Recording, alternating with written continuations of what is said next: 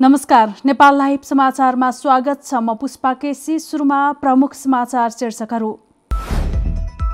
आगामी आर्थिक वर्षका लागि सोह्र खर्ब सडचालिस अर्बको बजेट सार्वजनिक चालु खर्च छ खर्ब अठहत्तर अर्ब विनियोजन। विकास खर्चका लागि तीन खर्ब सडचालिस अर्ब छुट्याइयो। सामाजिक सुरक्षा भत्ताका लागि एक खर्ब रुपैयाँ विनियोजन। वृद्ध भत्ता एक हजार र कर्मचारीको तलब दुई हजार रुपैयाँले बढ्यो। सशस्त्र र नेपाल प्रहरीको रासन भत्ता पन्ध्र प्रतिशतले वृद्धि। जसपा अध्यक्ष महन्त ठाकुर सहित चार नेतालाई पुनः स्पष्टीकरण। चित्त बुझ्दो जवाफ नआए निष्कासनको कारवाही हुने चेतावनी। उपेन्द्र यादवलाई पनि चौबिस घण्टे स्पष्टीकरण।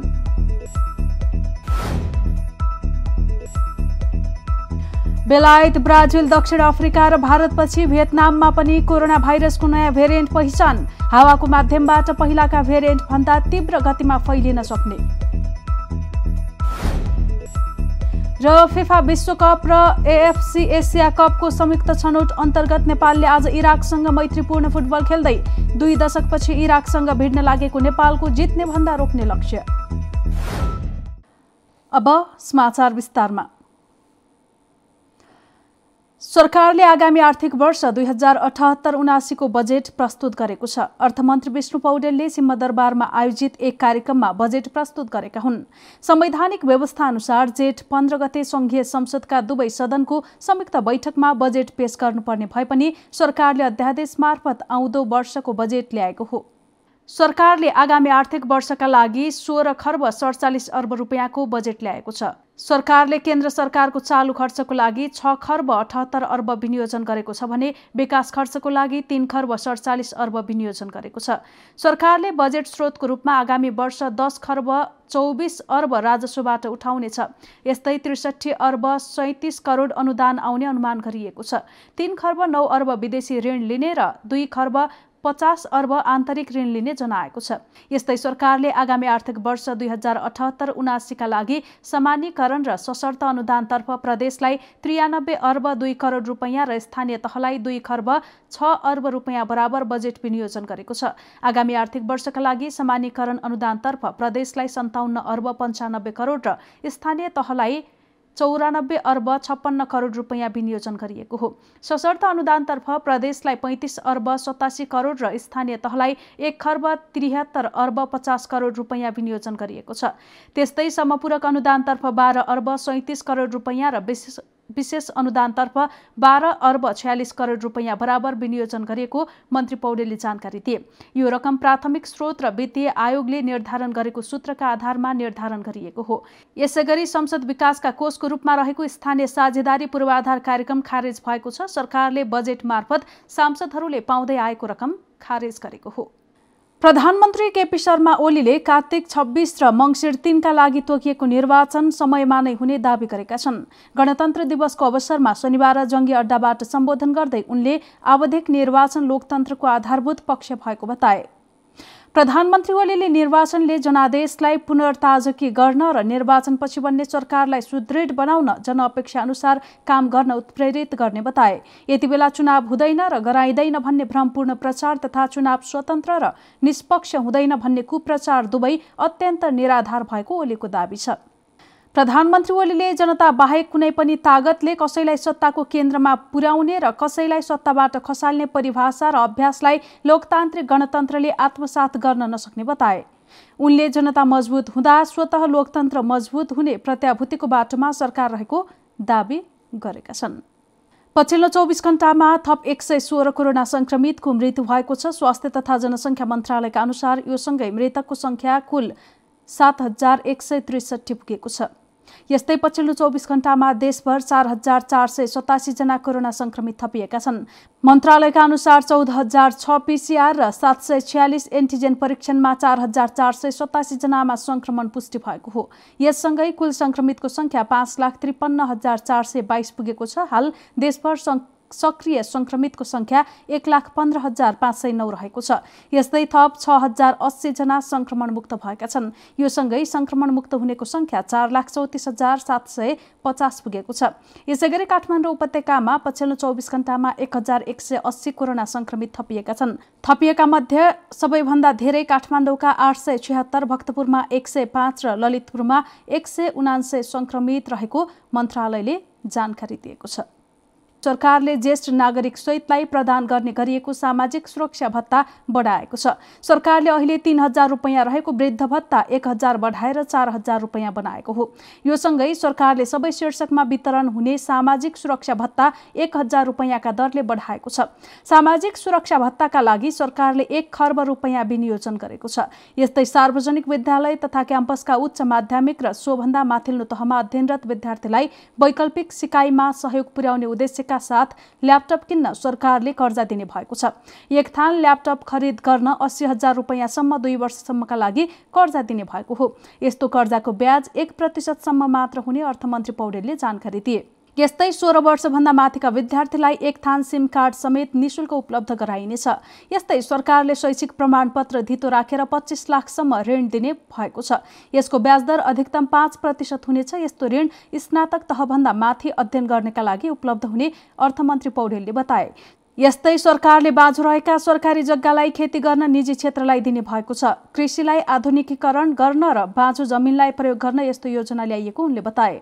यस्तै नेपाल भ्रमणमा आउने विदेशी पर्यटकलाई एक महिनाको प्रवेशाज्ञा निशुल्क उपलब्ध गराउने भएको छ। पर्यटन प्रवर्धन र पर्यटन क्षेत्रसँग सम्बन्धित व्यवसायको उत्थानका लागि निजामती कर्मचारीलाई दस दिनको तलब बराबरको पर्यटन कागज दिने पनि मन्त्री पौडेलले जानकारी दिए। यसै गरी सरकारले कृषकका लागि दिने अनुदान रकम बढाएको छ। अनुदानका लागि सात अर्ब रुपियाँ विनियोजन गरिएको छ भने रासायनिक मलमा दिँदै आएको अनुदान रकम पनि बढाइएको छ। अनुदान रकम बाह्र अर्ब विनियोजन गरेको मन्त्री पौडेलले जानकारी दिएका छन्। यस्तै सरकारले सशस्त्र र नेपाल प्रहरीको रासन भत्ता पन्ध्र प्रतिशत वृद्धि गरेको छ भने कर्मचारीको तलब दुई हजार रुपियाँले बढाएको छ। यसरी वृद्धि भएको तलब साउन एकदेखि लागू हुने उनले बताए। सरकारले कर्मचारीलाई सहुलियत आवास सुविधा पनि उपलब्ध गराउने घोषणा गरेको छ।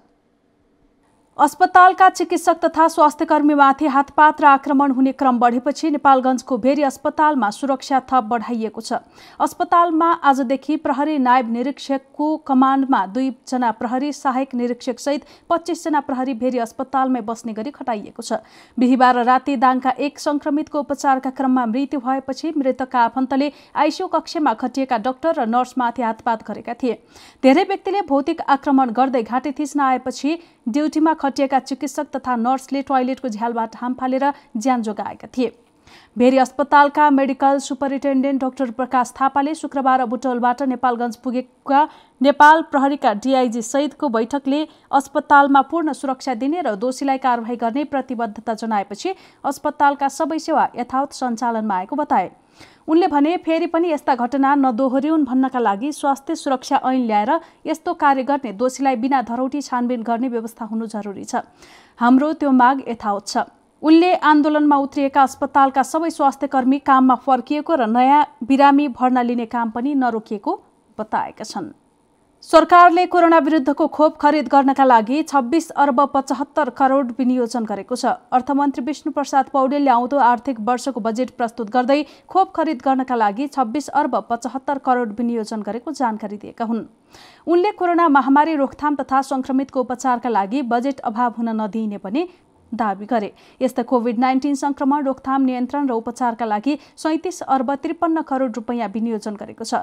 मन्त्री पौडेलले कोरोना संक्रमितको उपचार व्यवस्थापनका लागि जनशक्तिको अभाव हुन नदिन अवकाश प्राप्त तथा इन्टर्नसिपमा रहेका स्वास्थ्य कर्मीलाई समेत तलब र पचास प्रतिशत जोखिम भत्ता पाउने गरी एक वर्षको सेवा करारमा लिएर खटाउने व्यवस्था मिलाइएको जानकारी दिए। कोभिड संक्रमितको उपचारका लागि प्रयोग हुने औषधिको आयातमा कर छुट पनि दिइने भएको छ। कोरोना संक्रमितको उपचारका लागि हाल देश विभिन्न देशबाट रेमडेसिभिर लगायत औषधि आयात हुँदै आएको छ। यस्तै सरकारले कोभिड प्रभावित व्यवसायीलाई पाँच प्रतिशतसम्म दिइएको पुनर्कर्जालाई निरन्तरता दिने भएको छ। अक्सिजन उद्योग स्थापना गर्न आवश्यक पर्ने उपकरण आयात गर्दा लाग्ने भन्सार र मूल्य अभिवृद्धि कर पूर्ण रूपमा छुट दिइएको छ। मन्त्री पौडेलले सामुदायिक तथा निजी अस्पतालमा अक्सिजन प्लान्ट जडान गरेमा लागतको पचास प्रतिशत पुँजीगत अनुदान समेत दिने पनि बताएका छन्।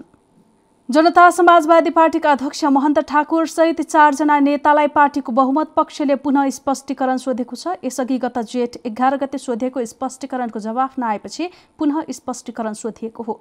स्पष्टीकरण सोधिएका नेताहरूमा महन्त ठाकुर राजेन्द्र महतो सर्वेन्द्रनाथ शुक्ल छन्। उनीहरूलाई केपी ओलीको संसद विघटन गर्ने अलोकतान्त्रिक असंवैधानिक प्रतिगमनकारी कदमलाई किन साथ दिएको गुटबन्दीपूर्ण क्रियाकलाप किन गरेको छुट्टै कार्यालय किन सञ्चालन गरेको पार्टीको निर्णय बिना राष्ट्रपतिलाई किन पत्र लेखेको राजेन्द्र महतोलाई किन संसदीय दलको नेता बनाएको बनेको लगायतका प्रश्नहरूसहित स्पष्टीकरण सोधिएको थियो। तर यो पक्षले स्पष्टीकरण नदिई उल्टे पार्टी अध्यक्ष उपेन्द्र यादवलाई नै स्पष्टीकरण सोधेका थिए। यो पत्रको चित्त बुझ्दो सन्तोषजनक जवाफ नदिए निष्कासन समेतको कारवाही हुने चेतावनी दिएको छ। यसैबीच जसपाभित्रको स्पष्टीकरण युद्ध दोस्रो चरणमा प्रवेश गरेको छ। उपेन्द्र यादव पक्षले ठाकुरसहित चार नेतालाई स्पष्टीकरण सोधेको केही बेरपछि नै यादवलाई पनि स्पष्टीकरण सोधिएको छ। शनिबार यादव पक्षले ठाकुर पक्षका चार नेतालाई चौबिस घण्टे स्पष्टीकरण सोधेको थियो। उनीहरूलाई गत एघार गते पनि स्पष्टीकरण सोधिएको थियो। सोही दिन ठाकुरले पनि यादवलाई स्पष्टीकरण सोधेका थिए। तर दुवै पक्षले स्पष्टीकरण नदिएपछि दोस्रो चरण सुरु भएको हो। हामी नेपाल लाइभ समाचारमा छौँ। अब अन्तर्राष्ट्रिय समाचार।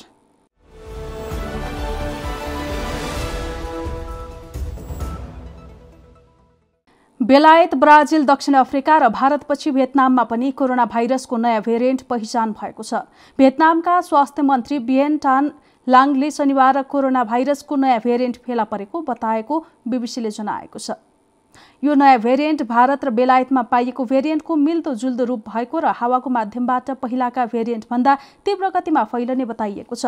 भियतनाम ती केही देशमा पर्छ जो गत वर्ष कोरोना भाइरसलाई फैलनबाट रोक्न सफल भएको थियो। तर अहिले त्यहाँ कोरोना महामारी तीव्र गतिमा फैलिरहेको छ र स्थितिलाई नियन्त्रणमा लिन सरकारलाई निकै मेहनत गर्नु परिरहेको छ। समाचार एजेन्सी रोयटर्ससँग भियतनामका स्वास्थ्य मन्त्रीले भने हामीले संक्रमित भएका केही पीडितको नमुना लिएर जिनोम सिक्वेन्सिङ गरेका थियौँ। यस क्रममा हामीले नयाँ खालको भाइरसको भेरिएन्ट फेला पारेका छौँ जो भारत र बेलायतमा पाइएको भेरिएन्टको मिल्दोजुल्दो रूप हो।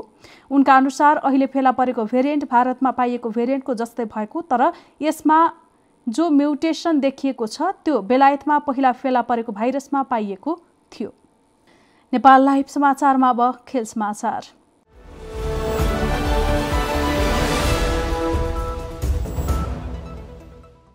फिफा विश्वकप र एएफसी एसिया कपको संयुक्त छनौट अन्तर्गत कुवेतमा तीन खेल खेल्नु अघि नेपालले आज इराकसँग मैत्रीपूर्ण फुटबल खेल्दैछ।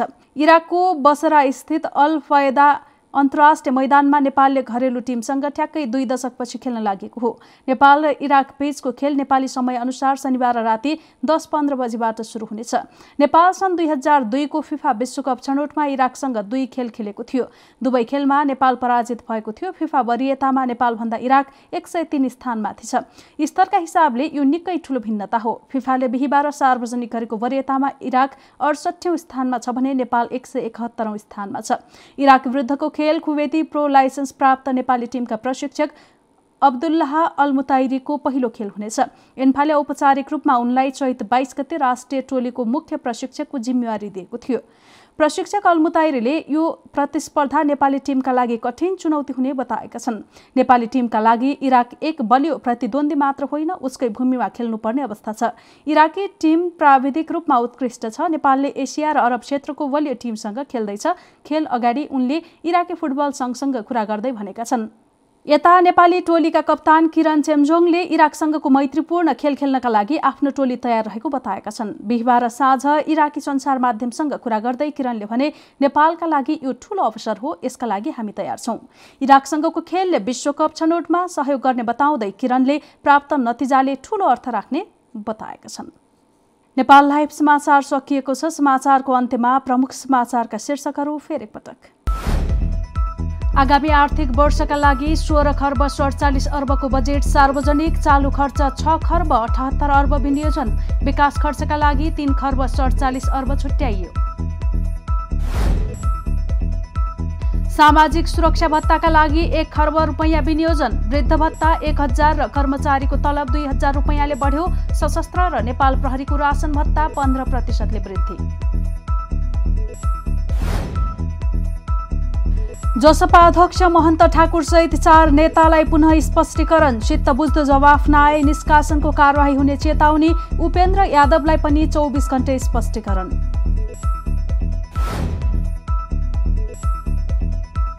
बेलायत ब्राजिल दक्षिण अफ्रिका र भारतपछि भियतनाममा पनि कोरोना भाइरसको नयाँ भेरिएन्ट पहिचान। हावाको माध्यमबाट पहिलाका भेरिएन्ट भन्दा तीव्र गतिमा फैलिन सक्ने।